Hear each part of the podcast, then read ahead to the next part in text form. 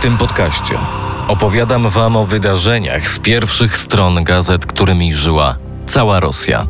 Ale nie tylko. Machloje, konszachty i zbrodnie. Jestem Maciek Jędruch i w tym tygodniu przeniesiemy się na południe Ukrainy, zaanektowanego w 2014 roku Krymu. Zapraszam. Ruska mafia w RMFFM. Krymska ośmiornica, czyli jak gangsterzy z Rosji zajęli półwysep. Sekwencja pierwsza. Jałta. Za czasów radzieckich zjeżdżały tam setki tysięcy obywateli ZSRR. Odbywały się kolonie i festiwale muzyczne. A w 1945 roku opodal tej miejscowości Józef Stalin, Winston Churchill i Franklin Delano Roosevelt podpisali deklaracje, które miały decydujące znaczenie dla powojennego kształtu Europy. W południowej części Półwyspu Krymskiego znajduje się Jałta. Z tego co przeczytałem na rosyjskojęzycznym portalu Flot, miejsce znane także z bandytyzmu. Jak przeczytałem na tym właśnie portalu, Krym nadal jest wylęgarnią całych syndykatów mafijnych i ta ośmiornica rozwijała się przez dziesięciolecia, a okupacja Półwyspu przez Federację Rosyjską stała się, jak podaje portal, katalizatorem tych działań. Nocy z 26 na 27 lutego rosyjscy żołnierze bez dystynkcji, tak zwane zielone ludziki uzbrojeni w karabiny szturmowe i granatniki przeciwpancerne zajęli budynki parlamentu i rządu Republiki Autonomicznej Krymu w Symferopolu, po czym wywiesili na nich rosyjskie flagi. Napastnicy byli żołnierzami rosyjskich sił specjalnych, a rok później Władimir Putin wydał dekret o ustanowieniu 27 lutego świętem sił operacji specjalnych w Rosji. Zielone ludziki określały się jako przedstawiciele samoobrony rosyjskojęzycznych obywateli Krymu. Kilka godzin później Siergiej Aksjonow, lider partii Rosyjska Jedność, w porozumieniu z napastnikami zaczął gromadzić kworum Izby, po czym został ogłoszony premierem Republiki Autonomicznej Krymu. W czasie nominacji Aksjonowa Rada Najwyższa Republiki Autonomicznej Krymu była wciąż zajęta przez rosyjskich żołnierzy. Decyzji tej nie uznano w Kijowie, gdyż premier nie został powołany w porozumieniu z prezydentem Ukrainy, czyli zgodnie z ukraińską konstytucją. Według doniesień medialnych rosyjskojęzycznej prasy od czasu aneksji mafia kontroluje gastronomię, budownictwo, pierze brudne pieniądze, prowadzi nielegalne międzynarodowe przelewy pieniężne, handluje ludźmi, w tym nieletnimi, a także zapewnia fundusze na kremlowską władzę na Krymie. Potwierdza to także Artur Górski, autor książek o rosyjskiej mafii. W 2018 roku ukazał się materiał w tygodniku Wprost, w którym Górski stwierdził, że Władimir Putin stoi za rosyjską mafią, a władza na Krymie w ogóle jest przez mafię kontrolowana. Pisarz zaznaczył w wywiadzie, że po przyjrzeniu się, kim są władze Krymu, skąd się wywodzą, czym się zajmowali, to można przypuszczać, że cała administracja jest budowana na strukturze grup przestępczych. To oznacza także, że Putin o tym wie i to widocznie mu pasuje.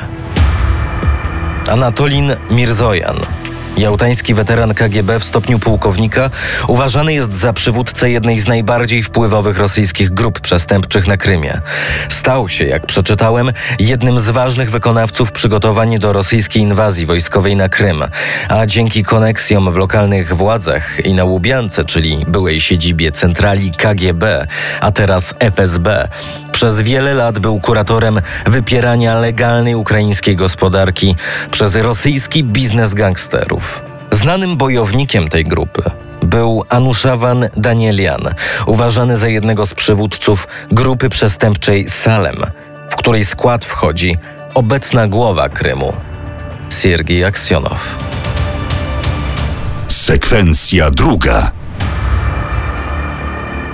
Salem. W 1988 roku w Symferopolu ze spółdzielni I. Petri powstała zorganizowana grupa przestępcza. Nazwa tej grupy została zapożyczona od popularnych na przełomie lat 80. i 90. papierosów Salem.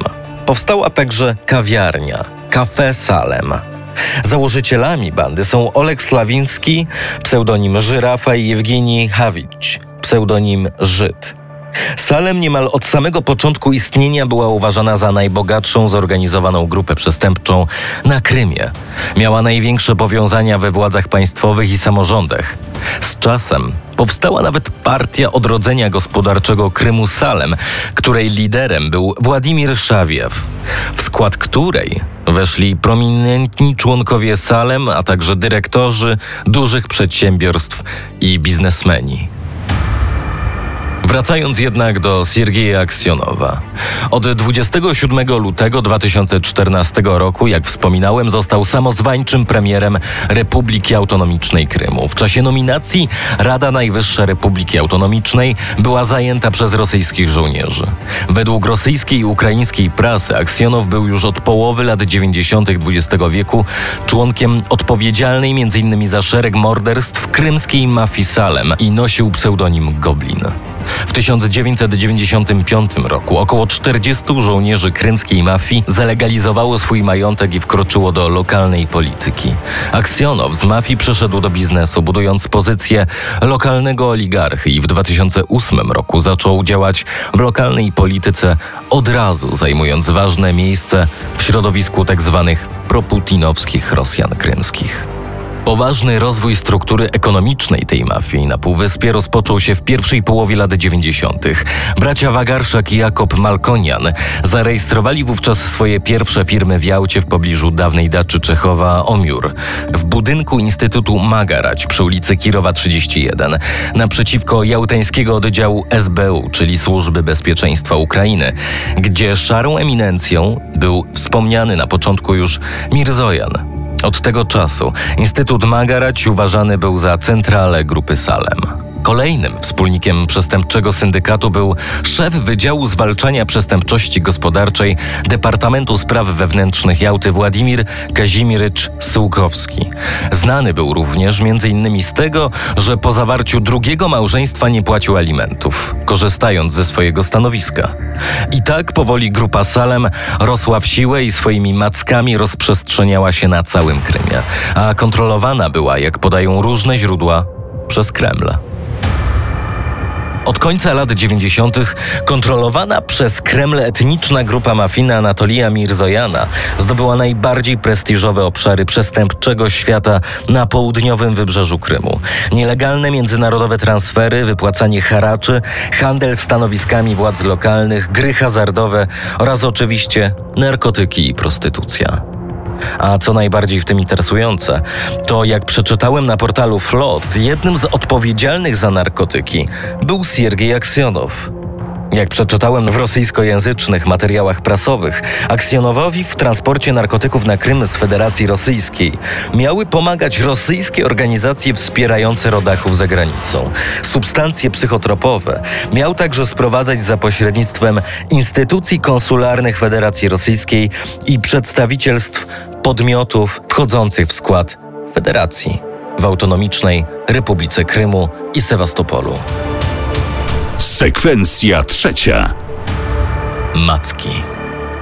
Jak przeczytałem w artykule poświęconym działaniu grup mafijnych na Krymie, w 2009 roku w przededniu wyborów prezydenckich w Ukrainie wybuchł poważny skandal. Rektor Kijowskiej Państwowej Akademii Transportu Wodnego Wasilij Michajłow, powiernik Wiktora Janukowycza, został aresztowany wraz z innymi osobami pod zarzutem pedofilii.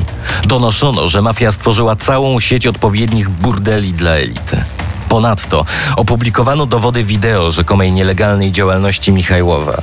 Po zwycięstwie w wyborach protegowanego Kremla Janukowycza sprawa Michajłowa została wstrzymana, a rektor został zwolniony z aresztu śledczego w Dzień Dziecka 1 czerwca 2012 roku.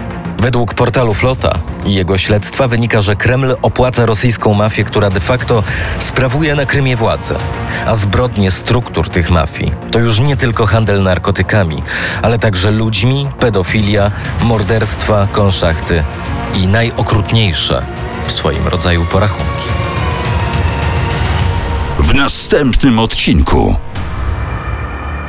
Mała Odessa Pan Życia i Śmierci, Królowie Nocy, GTA 4, Mafia.